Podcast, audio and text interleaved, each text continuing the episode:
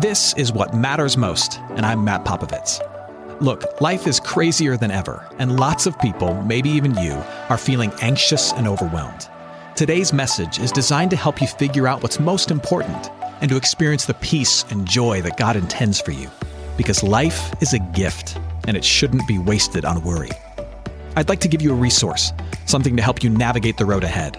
Just go to mattpopovits.com, click on the icon, and we'll send it to you. That's Matt, P-O-P-O-V-I-T-S dot com.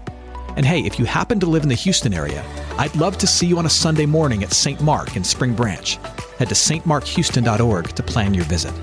Here's today's message. Thanks for listening. There are moments in life where the lights turn on, where something happens, and from that moment forward, you see everything differently.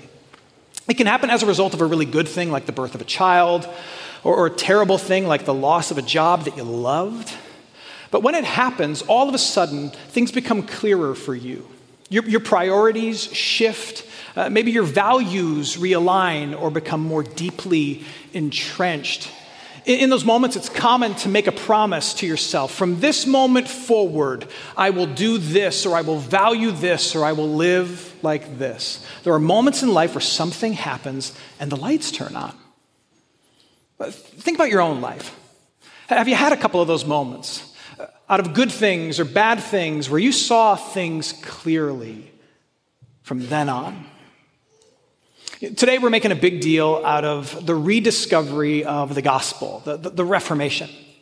And, and, there's a lot of ways to study it or think about it or celebrate it, but I think that the easiest and, and the most straightforward might be this. Uh, the Reformation is the moment where, uh, after a long period of darkness, the lights came back on for the church and things were never the same. For centuries, the church was clouded with corruption and confusion and misunderstanding. And there was a view of Jesus that saw Jesus as this judge who was waiting to strike you dead. And there was this view of Christianity, of spirituality, where it was kind of this game you played with God where you tried your best to live as a, as a good follower of Jesus, as, the most morally pure person that you could. And then in the end, because you had faith in Jesus, God would show mercy and grace and kindness to you. But you first had to do your part to be, to be the best possible person that you could. And in the middle of this kind of corruption and confusion and misunderstanding about who Jesus was and what the life of faith actually was, there were, there were popes and pastors and princes who took advantage of that. Who said to people who were uncertain about where they stood with God, who were afraid of eternal damnation, who said to them, Well, if you just give us your power, if you just give us your money, then we will make sure that you're all good with God. And people quite literally bought into it. In fact, that's how St. Peter's Basilica in Rome was built. People, out of fear of eternal judgment or of their relative being in eternal judgment, giving money to release themselves and others from purgatory. Like I said, corruption and confusion and misunderstanding. Around about 1500, um, there was a, a group of, of young Christian scholars and church leaders who had a deep knowledge of the scriptures and a good understanding of Christian history up to that point. And they could sense that the church of Jesus was profoundly out of step with the message of Jesus. And so they started to talk about it and write about it. Uh, one of them, the, the most prominent of them, was a man named Martin Luther. He was a monk and a college professor. And he, he articulated all of his grievances against the Christian status quo at the time in a list of 95 theses or 95 arguments that he nailed to the door of the Wittenberg church. And, and Luther's goal was not to start a revolution. His goal was to start a very reflective and humble dialogue within the church, to get the church to look at itself and look at what it was teaching, and to, and to come back to the central message that we are saved by grace through faith alone. Well, a dialogue started all right. And, Luther ended up fearing for his life that he might die. The world kept talking about the work that he and others were doing. And, and in relatively short order, lights started to come on throughout the known world, and a spiritual reforming, a reformation, a spiritual reckoning took place that, that is still reverberating today. At the center of that kind of defining moment in history was, was really, you could say, one verse and four words. Uh, we just heard that verse, but I want to read it to you again. Romans chapter 1, verse 17. This was the verse that, that really allowed the light bulb to come on for Luther, wrestling with what it is to be right with God. Listen to this Romans chapter 1, verse 17. The righteousness of God, a right standing with God, is revealed from faith for faith. As it is written, the righteous shall live by what? Say it with me. Faith. And then you could summarize everything that was taught in the early days of the Reformation with these four words. We've already said them a bunch this morning. By grace through faith. If you would, if you would just humor me and say those words after me. By grace. Through, faith. That's it. Now you might think, well, that's, that's not much of a light bulb moment. But you and I have, have grown up in the 500 years since where, where this has largely sat at the center of Christian experience. And, and besides, you know from your own light bulb life changing moments that often what you discover or what you return to is not a seismic truth, but, but an essential and simple one that you come home to. You go through something good or you go through something bad, and all of a sudden it's clearer to you than ever that family, not work, is what matters most. You go through something good, something bad, and you realize, boy, you know, I, I have to prioritize my own health and well being. You go through something good or something bad, you realize, I, I cannot compromise my core values for anybody. You go through something good, you go through something bad, you realize that there are certain things that I will not compromise for. These are not life changing truths in the sense that they're new. They're life changing truths in that they're foundational and they get cloudy, they get lost, and then you find them again. And you think, how did I lose it in the first place? That's what happened here.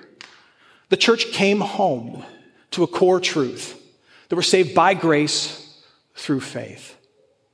Uh, the core message of Christianity really comes down to this you need a right relationship with God. You need to be right with Him, but you can't make yourself right with Him.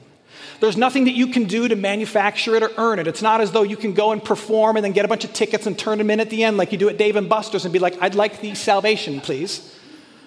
That's not at all how it works. You need a right relationship with God, but you're incapable of manufacturing it on your own. You can't earn it, it has to be given and gifted to you. And what Jesus Christ has done is earned that right relationship with the Father and then gives it to you. It becomes your own. In your moment of belief and baptism, it becomes your possession so that you are right with the Father, not by any effort of your own, but, be, but by Jesus' effort on your behalf. The, the message of the Christian faith is not that you need to go do big things for God, but that God has done a big thing for you in Jesus Christ. It's not that you need to hand him any work or effort of your own, but that Jesus Christ has, has done all the work and expelled all the effort for you, and then he hands it to you as a gift. That's grace. And, and that gift becomes yours through faith in Christ. Now, what is faith? Well, I'll tell you what faith is not. Faith is not a certain level of understanding. Faith is not a certain demonstrated obedience in the life that you live. Not that those two things aren't important. You know what the scriptures tell us faith is? Faith is a relationship of dependence upon someone or something greater and more capable than yourself. Faith is dependence upon the person and work of Jesus. Here's what faith is you bring your empty hands to God You bring your weakness and your mortality and your mistakes and your regrets. You bring all of your nothingness to God and you get all that He has to offer in return. Not because you deserve it, but because Jesus Christ has earned it for you. It is by grace through faith alone. Now, that rearticulation of that truth, that rediscovery of that truth, it, it quite literally changed the world. Don't believe me? Google it. How did the Protestant Reformation change the world? You'll be blown away. So many things. But we're not here to celebrate what the rediscovery of the gospel has done in the past. What we're here to do is to emphasize what it is still doing today and what it can do in your life, whether you're new to the Christian faith or you've been here for a long, long time. The fact that you're saved by grace through faith is still changing the world. It's changing your little world and my little world. You know how this changes lives, how it's changing your life? Here's one way it is, it is giving you rest for your soul. Uh, let's look again at what Jesus says in Matthew chapter 11. Jesus says, This is so beautiful. Jesus says, Come to me, all who labor and are heavy laden. Uh, raise your hand if you work and you get really tired. Yeah, the rest of you are liars, by the way. We all work and we're all tired. We're not just like physically tired, but like emotionally, spiritually exhausted, right? Jesus gets that. He's like, Come to me, everybody who is done. Come to me, everyone who's done, and I will give you a very long to do list that'll exasperate you further. Is that what he says?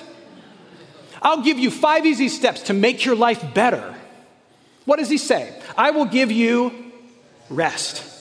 Take my expectations upon you and learn from me. And what you discover is that I am gentle and lowly in heart. I don't put more burden on you. When you come to me, you will find rest for your souls. Now, I don't know if you've ever dug this deep into your psyche before, but here's what I know about you and me.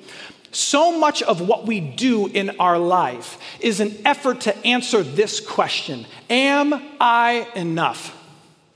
Am I enough? Am I good? Am I worthy? A big driver for why I want to be the certain type of parent I want to be, why I want to climb the corporate ladder, why I want to crush it at the gym, why I want to be a little bit of an influencer online. A driver behind all of that is my desire to answer that question Am I good? Am I enough? with a resounding yes. And the pursuit of that leaves us anxious and angry and tired. The good news of Jesus is this you can't be enough, whatever that is, on your own. And that's not meant to make you sad, it's meant to set you free. You cannot be enough on your own. You are not enough. You can't be. But you know who is? Jesus. And he has given all of his rightness, all of his, I'm going to invent a new word, all of his enoughness to you and you get to hold it as your own. And now, even though you are weak and you are tired, when God the Father looks at you, he sees someone who is worthy of all of his love. He sees someone who belongs in his family. He sees someone who is, because Christ is enough, enough. That's what the Father sees. The hope of Christianity is that you might go through your life understanding that God does not want more from you, but that Jesus Christ has given all to you. He's given all to you. Hey, friends, it's Matt. If you enjoy what matters most, I invite you to give a one time gift or to become a regular, recurring supporter of our ministry. It's your gifts that put and keep this show on the air and make it possible for us to do even more. To partner with us, just head to mattpopovits.com. That's M A T T P O P O V I T S.com and choose to give. And as a thank you, we'll send you a copy of my first book, Tough Call, as a gift. Help us keep sharing what matters most with as many as possible.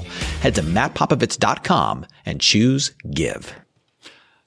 This rediscovery of the gospel is changing lives in that it gives us an opportunity to be even more compassionate people.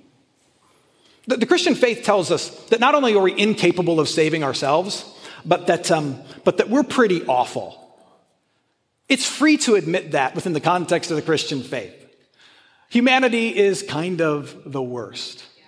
If you don't believe me, I got more verses from Romans chapter 3 for you.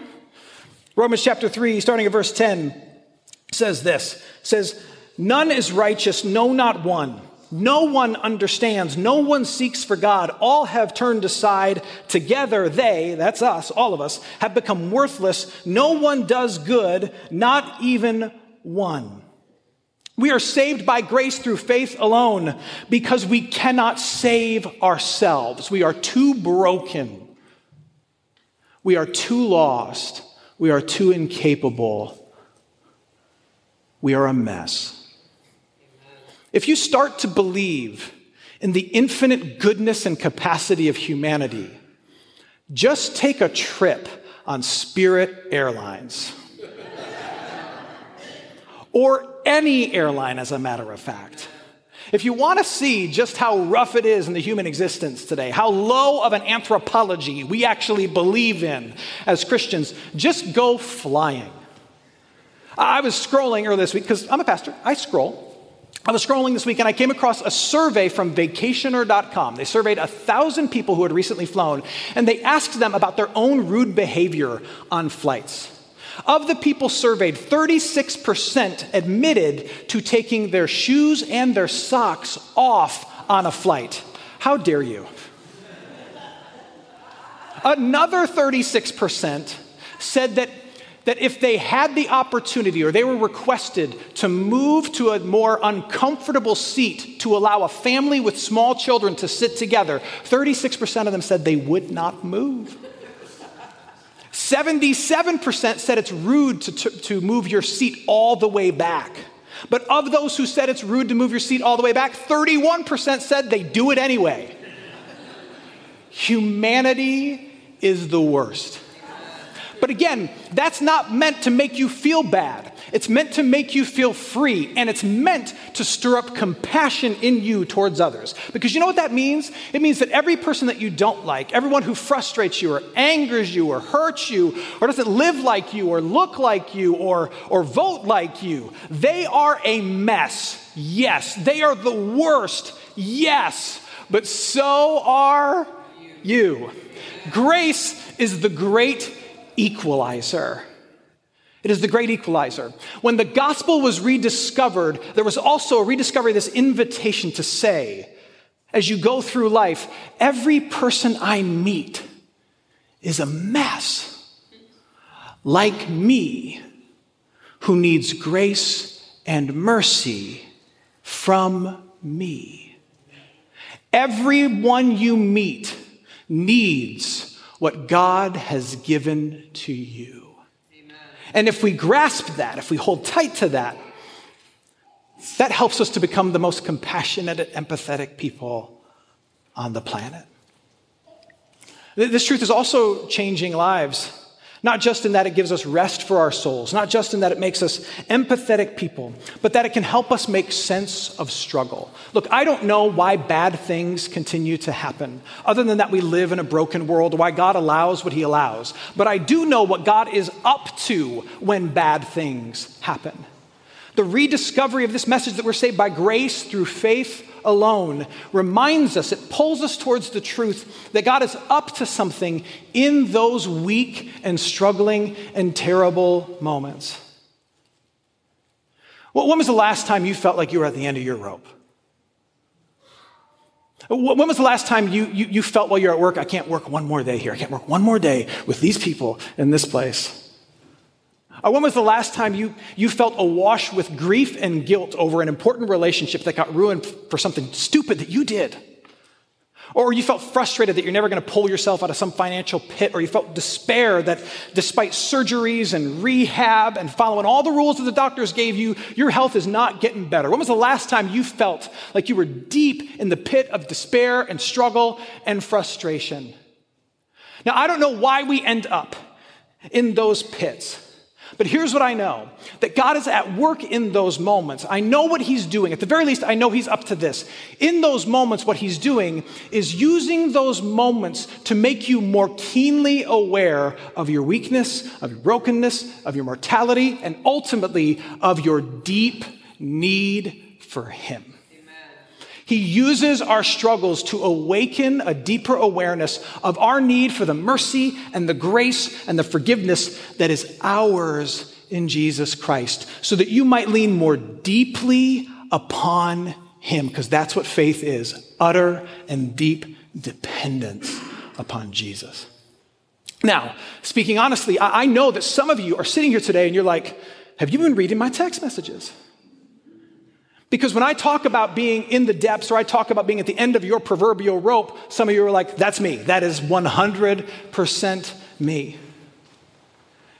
And like I said, I don't know why you're there other than this that it is God's desire to grow you into a deeper trust in Jesus. I don't know why you're there other than the fact that, that perhaps what God wants to do is give you a light bulb moment of your own where where new values are articulated, new priorities emerge, and you make a commitment from this moment, this day forward, to live differently in light of the truth of who Jesus is. Maybe what he's up to in that moment of struggle and darkness and despair is to give you a little reformation of your own where you come home to what matters most. Because God would like nothing more in your life than for you to walk around with this refrain deep in your heart no matter what you face. It goes like this I am not, but Christ is. I am not capable, but Christ is. I am not perfect, but Christ is. I am not eternal on my own, but Christ is.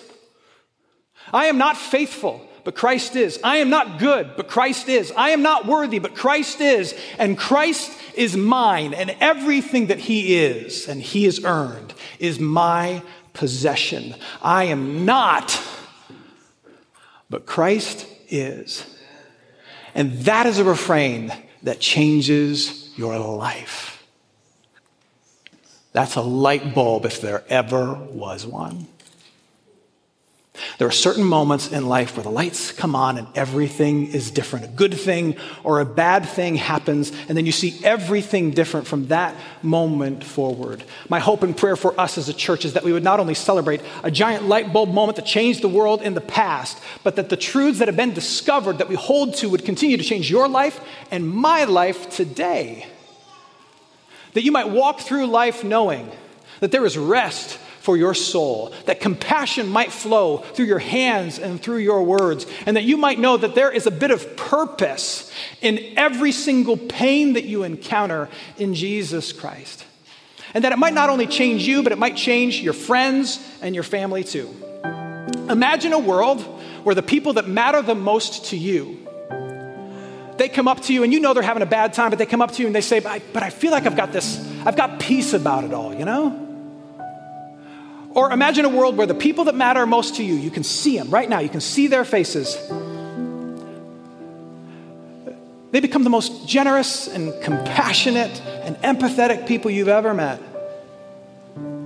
Imagine a world where the people that matter the most to you, they go through something difficult and they realize God is at work in this.